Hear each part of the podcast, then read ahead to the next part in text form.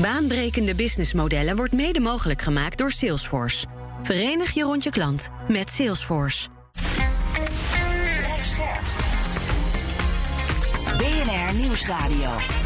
Baanbrekende businessmodellen. John en Patrick. Naam van jullie bedrijf. Snacko.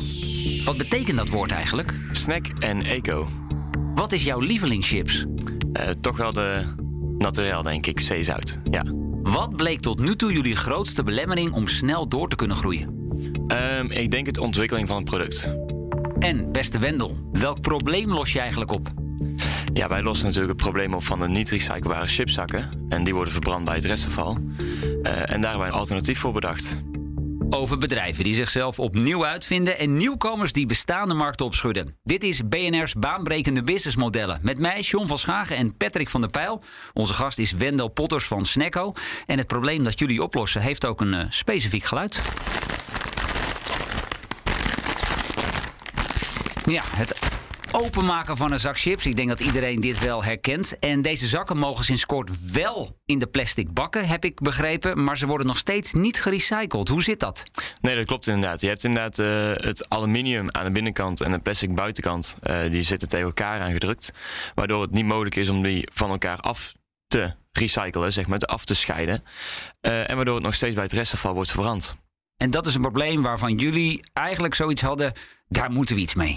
Ja, dat, uh, dat hadden wij wel. Zeker omdat wij zelf alle drie best wel chipsliefhebbers zijn. En uh, toch echt wel een aantal zakken per jaar uh, wegaten. Um, ja, en toen, dacht, toen wij hierachter kwamen, toen dachten wij, oei, um, ja, misschien is dat toch niet helemaal de bedoeling zo. Nee. Hey Patrick, um, jij bent dus even in die verpakkingsindustrie gedoken. Die is echt gigantisch, hè? Ja, het is echt gigantisch. Dit is een verpakkingsmarktvolume van 1000 miljard dollar.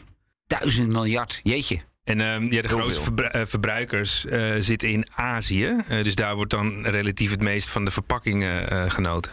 Ja, daarna komen Noord-Amerika en Europa. Um, en eigenlijk elk minder dan een kwart van het totaal aantal geproduceerde verpakkingen.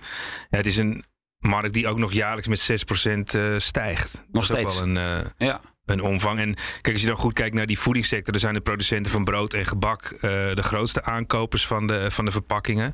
Ja, je ziet natuurlijk ook steeds meer eenpersoonsverpakkingen. Want het zijn natuurlijk veel meer eenpersoonshuishoudens. Um, ja, die, die uh, doet ook een stukje mee. En daarnaast is het meer on the. Hè, dus um, eigenlijk naar de mond. Ja, uh, dus snel betekent... even bij de AH to go even wat, uh, wat fixen en uh, vervolgens weer weggooien. Ja, van de week was ik veel op reis en dan zit ik in zo'n hotel en dan had je dus een, een zeepverpakking, maar het was eerst dan een kartonnen verpakking.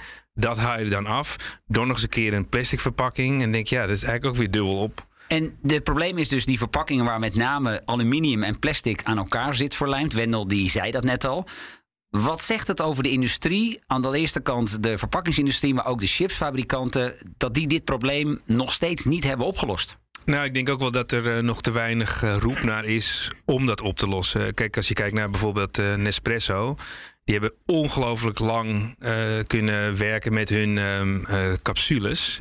die ook ongelooflijk veel energie vragen om uh, gerecycled te worden. Dus in Zwitserland hadden ze daar al eerder een uh, aparte recycle bin voor. Maar uh, dat heeft best wel lang geduurd, omdat eigenlijk de publieke opinie daar niet echt tegen was. En misschien is dat hier ook een deelte wat misschien nog gewoon uh, aandacht moet vragen dat mensen zich dat re niet realiseren. Um, en daarnaast is het natuurlijk ook een enorme operatie waar je naar gaat kijken. Ik denk ja. ook wel dat de reis die uh, Wendel heeft afgelegd daar misschien ook wel een. Uh... Ik heb nog niemand in Nederland gezien die op de barricade ging om uh, de chipzakken gerecycled te krijgen. nee. nee. er zijn geen massale demonstraties nee. uitgebroken. Nou, nee. Als je mij gevraagd had in het begin uh, om chipsboer ooit te worden, dan had ik ook nooit gezegd dat dat in de toekomst zou gaan gebeuren. Hoor. Maar hey, en dat is, is inmiddels wel, wel, gebeurd. En je hebt uiteraard ook een aantal van jullie producten meegenomen. Nou, ik ja, zie hem klopt, hier ja. voor mij. Het is een bakje geworden Ja. in plaats van een zakje. Um, die maak ik dan even open. Ja. En even kijken, dan valt me wel. Want ik zie wel plastic. Ja, klopt inderdaad. Want ja. hoe ziet dit? Ja, goed. Omschrijf het eens even. Wat, Nou, wat, is- wat zien we hier? Nou, het is inderdaad, inderdaad een, eh, een bakje van polypropyleen. Dat is een, eh, een heel duurzaam plastic soort. Wat eh, ja, een van de beste te recyclen is. Uh, dus dat is natuurlijk wel een voorwaarde aan ons uh, product. Uh, nou, het is net gesealed zodat het voedselveilig is. Want je moet natuurlijk chips goed houdbaar kunnen houden.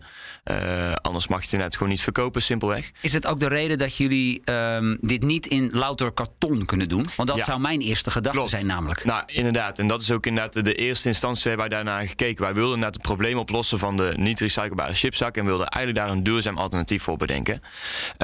Nou, zo zijn we dus inderdaad eerst naar karton gaan kijken. Want wij dachten gelijk, karton, daar is het. Dat is papier. Eh, is goed voor het milieu, zeg maar. Dan eh, niet schadelijk. Uh, maar wat blijkt nou wanneer je net voedsel in papier gaat verpakken? Bijvoorbeeld uh, inderdaad chips. Of net zoals bijvoorbeeld een, een pizzadoos die je bestelt bij Domino's.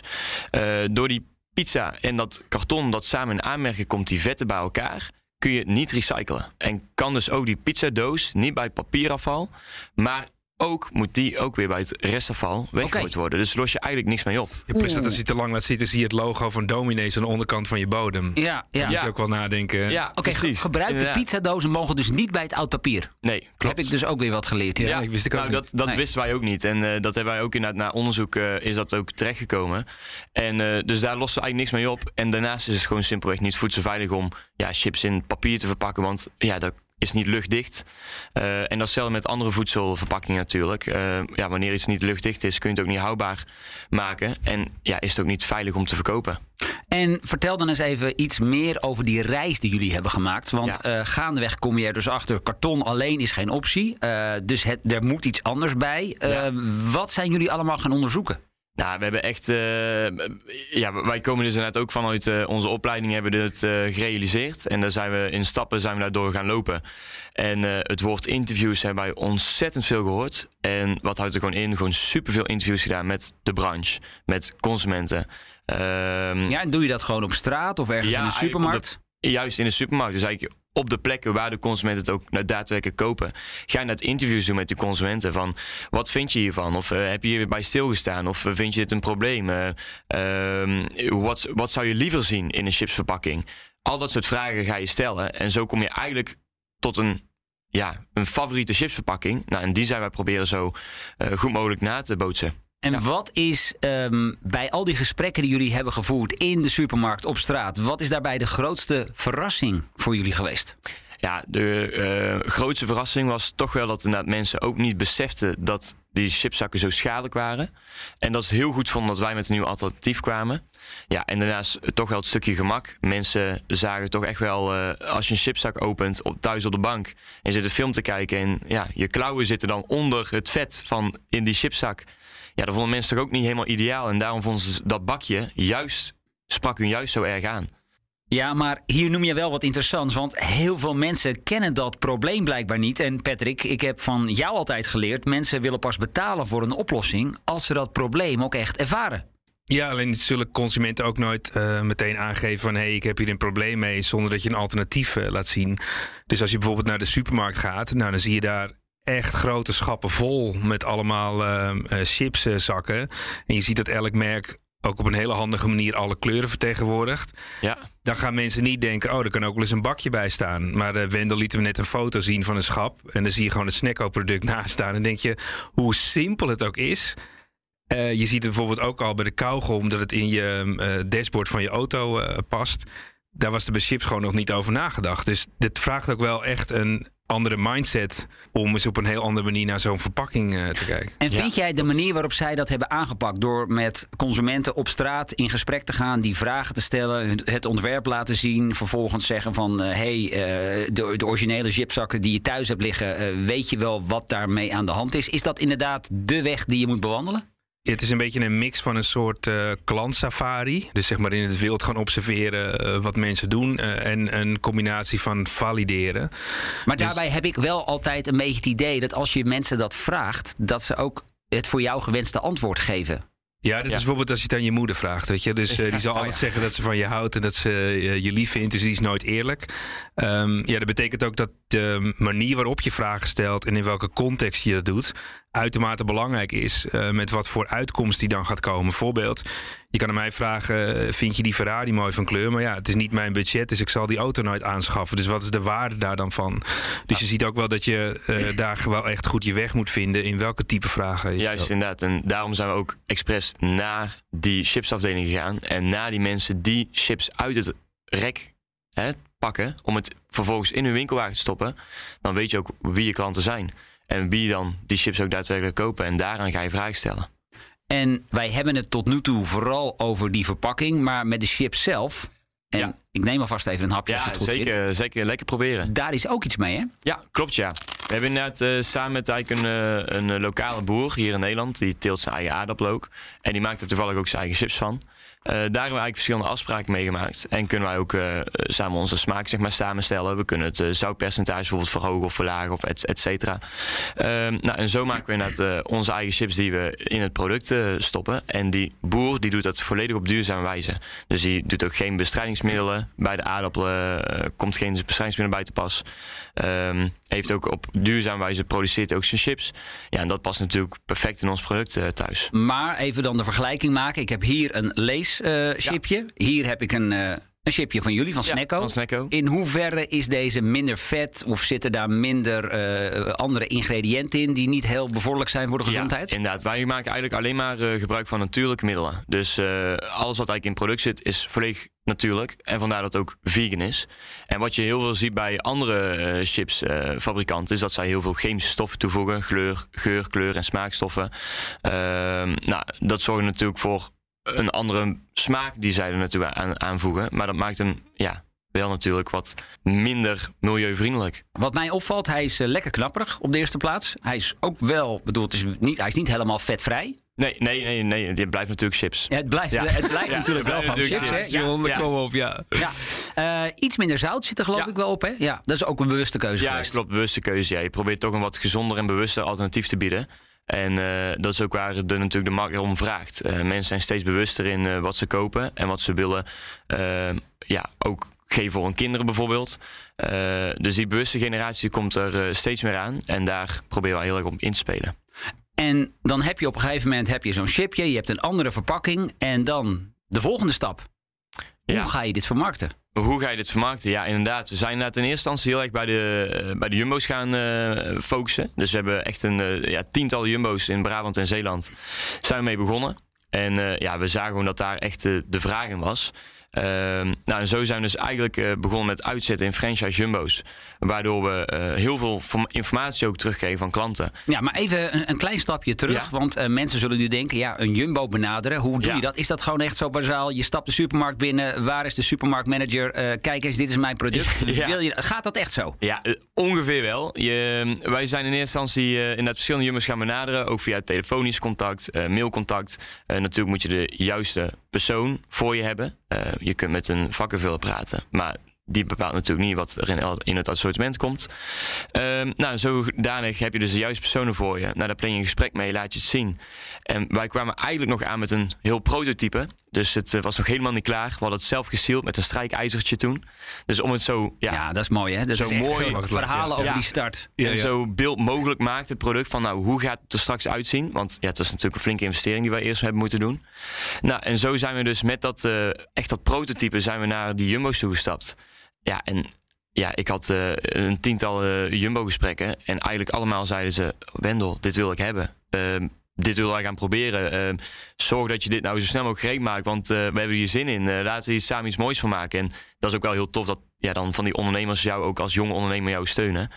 En- En, ehm, Effectievere methode dan de Glennis Grace methode bij Jumbo volgens mij. Ja, dat denk ik ook. ja, inderdaad, ja. Wat ik wel opmerkelijk vind is, er is nergens een loketje van bel hier maar aan voor je nieuwe chips.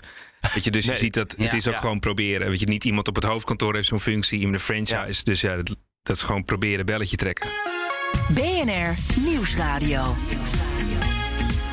Baanbrekende businessmodellen. Met deze keer het businessmodel van Snacko. Het nog jonge bedrijf heeft een chipsbakje ontwikkeld die wel kan worden hergebruikt. En de chip zelf is ook nog eens een stuk duurzamer. Opgericht door drie jonge ondernemers. En dat geldt ook voor de oprichter van The Folklore, Amira Razul. Patrick, jij las een verhaal over haar op een Amerikaanse site en dacht: wauw. Ja, dus die dame is uh, 26 jaar met Afrikaanse roots. En zij was op een trip. Um, en in Zuid-Afrika kwam ze leuke uh, kledingstukken tegen. En dacht ze, dat neem ik mee naar huis. En heel veel mensen thuisgekomen vonden dat heel erg tof. Dus ze dacht ze, hey, in Afrika maken ze ongelooflijk mooie dingen.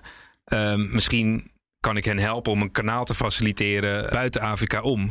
Dus wat ze heeft gedaan, een eigen e-commerce platform voor Afrikaanse merken en designers, die zo hun weg vinden naar andere, ja, andere markten. Ja, slim bedacht. En ze heeft net een eerste financieringsronde uh, gedaan van 1,7 miljoen dollar.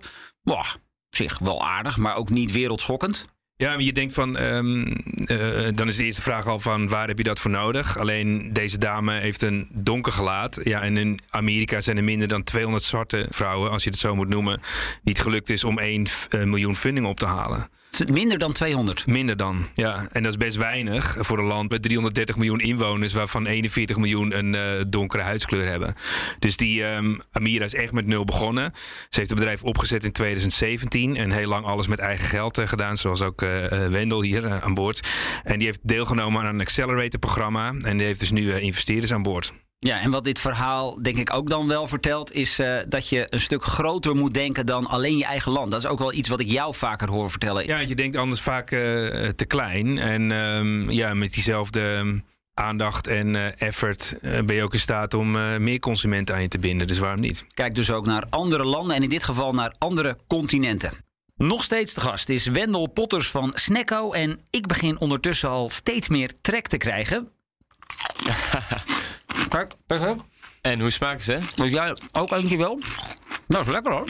Ik vind het ook heel lekker. Dit is de Bourgondische aardappelchips. Heerlijk vers van Hollandse bodem. Het staat er ook onder verpakking 100% recyclebaar. Juist. Nou, en welke smaak heb je nog meer meegenomen? We hebben ook nog paprika meegenomen uh, vandaag. Er zijn er twee smaken die we eigenlijk hebben gedaan. Ja.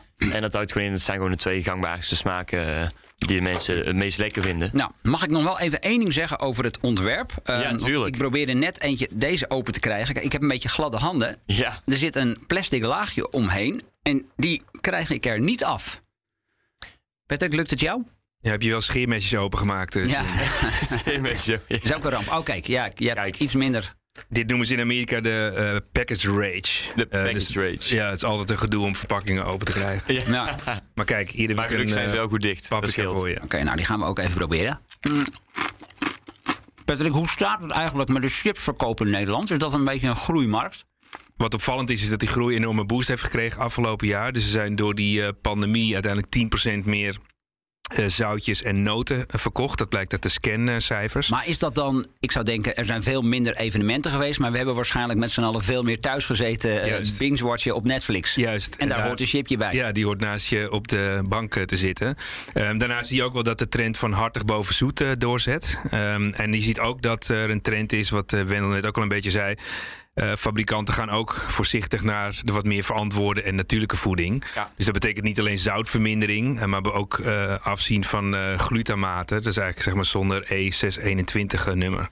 Nou, dan zie je dat noot is echt een absolute nieuwe trend. Dus die pinda's die hebben al lange terrein verloren en borrelnoten, borrelnoten ook.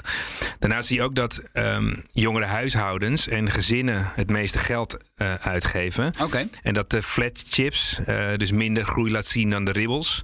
Ehm, en daarnaast is er een trend eh, dat de chips wordt gecombineerd met bier. eh, en zijn de hot flavors echt helemaal eh, in. Ja, chips met bier. Nou, ik denk dat we Chips dat bier. allemaal wel een beetje herkennen. Je krijgt dorst dus. Ja. Ja. Wat ik mij wel afvraag, hè, Wendel. ehm, Dit staat dus in de supermarkt. Ehm, klopt, ja. herkennen mensen dit wel als chips? Ja, dat is inderdaad ook wel eh, vaak ook een, eh, een, een punt die wij inderdaad ook tegenkwamen toen wij eh, inderdaad begonnen. Mensen die hadden inderdaad hè, het gevoel van nou, chips moet in een zak zitten, is blauw of rood en dat is chips.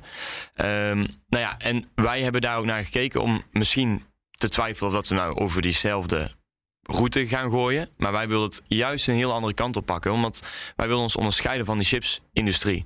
Wij wilden echt het milieubewuste chipsproduct zijn. Het Ja, dat snap ik heel goed dat je dat wil. Alleen ziet die consument dat ook. Hè? Die loopt daar in die eh, supermarkt. Die ziet Ja. daar in die schappen allerlei gekleurde chipszakken. Eh, Patrick zei het zojuist al even. En dan moet hij dit wel herkennen. Dan denkt hij, hey, chips, hebben jullie dat ook onderzocht? Ook met mensen gesproken in de supermarkt van hoe zij dat ervaren? Ja, zeker. Wat je, inderdaad wel, uh, wat je gewoon heel erg duidelijk zag, is wanneer mensen ons product inderdaad aankochten, zeg maar, en ook via een display ons product zagen, dan wisten, wij, wisten zij gelijk dat hier chips in zat, omdat wij ook via een display natuurlijk presenteerden. Met uh, daar heel groot chips natuurlijk ook op. En dat is natuurlijk heel belangrijk in je presentatie, dat je natuurlijk duidelijk communiceert van wat er natuurlijk in je product zit. Um, dus ja, in dat geval zeker. En uh, wat je wel nog steeds ziet, is dat mensen af en toe nog steeds twijfelen van... Hè, je hebt inderdaad een bakje, dat is inderdaad nieuw, vinden we gek. Uh, maar mensen zijn toch wel bereid om dat te proberen, omdat ze ook iets nieuws willen. Uh, zien dan alleen die huidige chipzakken. Patrick zegt het ook vaker. Hè? Je kunt je product nog zo mooi, zo duurzaam en lekker maken. Mensen moeten uiteindelijk wel bereid zijn om daarvoor te betalen. Hoe heb je dat getest? Nou, eigenlijk ook heel simpel met inderdaad interviews uh, in de supermarkt. Uh, voor de grap gewoon je product neerzetten, prijskaartje eronder en kijk wat mensen meenemen. En uh, uiteindelijk was dat zo, dus ze hebben dat gevalideerd. En toen uh, kwamen eigenlijk uh, erachter dat er inderdaad echt een goede potentie in het product zat. Want wat is het prijskaartje wat hier aankleeft? In de Jumbo wordt verkocht voor 1,95. En we zijn nou inmiddels ook uh, richting de theatersindustrie uh, aan het, uh, op aan het gaan. Eigenlijk die kant zijn we best wel aan het verschuiven. Dus van de jumbo's zijn we een beetje overgestapt naar de theaters. Daar gaan we zo meteen inderdaad zo meteen wat, wat, meer over horen. Er zit 70 gram in. Ja, het is dus wel wat duurder dan een reguliere chipzak. Ja, absoluut. absoluut. Ja, er is inderdaad best wel een wat ja, een prijziger product dan inderdaad een, een normale chipzak. En dat komt gewoon eigenlijk ook simpelweg door de verpakking. Ehm, ja. Ja, Wat ik wel interessant vind is dat um, als je kijkt naar um, gezondheid en uh, bijvoorbeeld chips. Chips is veel ongezonder dan ijsjes en patat. Maar dat komt omdat je uiteindelijk als je één keer een chipje neemt, die hele zak opeet. Ja, ja. Dus wat ik interessant vind aan het concept is, is het lost eigenlijk een aantal problemen op. Uh, het laat zeg maar, als je op de bank zit, dat je er niet zoveel van gaat eten. Het andere is dat je niet zoveel lawaai maakt in het uh, theater. Um, en uiteindelijk dat het een duurzame verpakking is. Dat je denkt van hé, hey, ik help wel mee aan uh, iets meer uh, milieubewuste producten te consumeren. Nou, ja. Wat ook eigenlijk wel een punt is waarom veel mensen ons product inderdaad ook heel interessant vinden, is dat dan ook glutenvrij is, lactosevrij, E-nummer en transvet. En dat zijn natuurlijk wel trends die ontzettend populair worden en steeds meer naar gevraagd worden. In ieder geval in mijn vriendenkring heb ik al wel een stuk of tien mensen zitten die inderdaad een glutenallergie hebben. Ja, en die mogen inderdaad bepaalde chips zoals bijvoorbeeld een lees of een uh, bijvoorbeeld niet hebben. Uh, ja, met ons product is dat wel zo. In hoeveel supermarkten zijn jullie inmiddels te verkrijgen? Ja, we zijn net in tientallen producten, supermarkten over Brabant en Zeeland zeg, begonnen. En toen zijn we vorig jaar naar het overstap naar de theaterindustrie. Want? Uh, nou, wij, wij, wij, kregen eigenlijk een best wel een uh, interessante vraag van onze coach, van onze docent. En die zei van ja, je bent nou met op één branche aan het focussen, supermarkten. Maar stel, die branche wordt omgegooid of er gebeurt iets mee dan verlies je net je afzetmarkt. Dus je moet zorgen dat je gaat spreiden. Dat je gaat zorgen dat je verschillende afzetmarkten gaat benaderen die voor jouw product interessant kunnen zijn. Nou, vanuit de interviews met de consumenten uit de uh, supermarkt kwam ook uit dat zij dit product heel erg zouden vinden passen in een theater of een bioscoop. Nou, dat hebben we opgeslagen. Toen zijn we eigenlijk naar uh, de grootste theaters in Nederland hebben wij toen contact mee gehad. Het was dan ook een coronaperiode.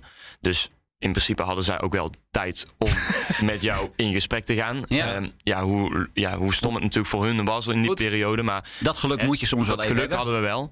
Um, nou, en toen had ik eigenlijk een superleuk gesprek met de theatermanager van uh, De Lamar. Um, nou, en die uh, was eigenlijk dusdanig enthousiast over het product. Omdat het inderdaad de vervanger is eigenlijk van een Pringles die ook niet recyclebaar is. Um, en toch een stukje begonischer, ja, luxer okay. verpakt zit. Want dat is ook wat Patrick net zegt. Ja. Het maakt natuurlijk veel minder geluid. Juist, inderdaad. Ja, natuurlijk. En, inderdaad, en dat is een heel groot voordeel. Want je hebt op dit moment, op dit moment eigenlijk alleen Pringles... die voor de theaterindustrie... Um, ja, eigenlijk perfect is, omdat het geen geluid maakt. Ja, dan zit je net te kijken op zo'n megascherm naar een, uh, naar een mooie romantische scène. En dan zit er iemand achter je uit zo'n chipzak. En die met uh, ja, een chipzak of iets dergelijks. En dat is natuurlijk niet de bedoeling. En daarom hebben eigenlijk heel veel theaters uh, pringels in hun assortiment. Maar die zijn ook niet recyclebaar. En moeten ook weggooien bij het restafval. Nou is er bij de theaters een hele grote trend gaan... dat zij heel erg op het, de sector zeg maar, nu uh, zitten. Waarom? Zij krijgen natuurlijk subsidies van de overheid. En zij moeten voldoen aan bepaalde duurzaamheidsoverwegingen. Uh, nou, een pringelsbakje dat weggooid moet worden bij het restafval... past daar natuurlijk ja, niet bij.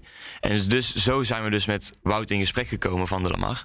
En hij uh, vertelt van ja, dit is eigenlijk precies wat wij zoeken. Het is een product wat inderdaad bij onze ja, ecologische eh, doelstellingen past.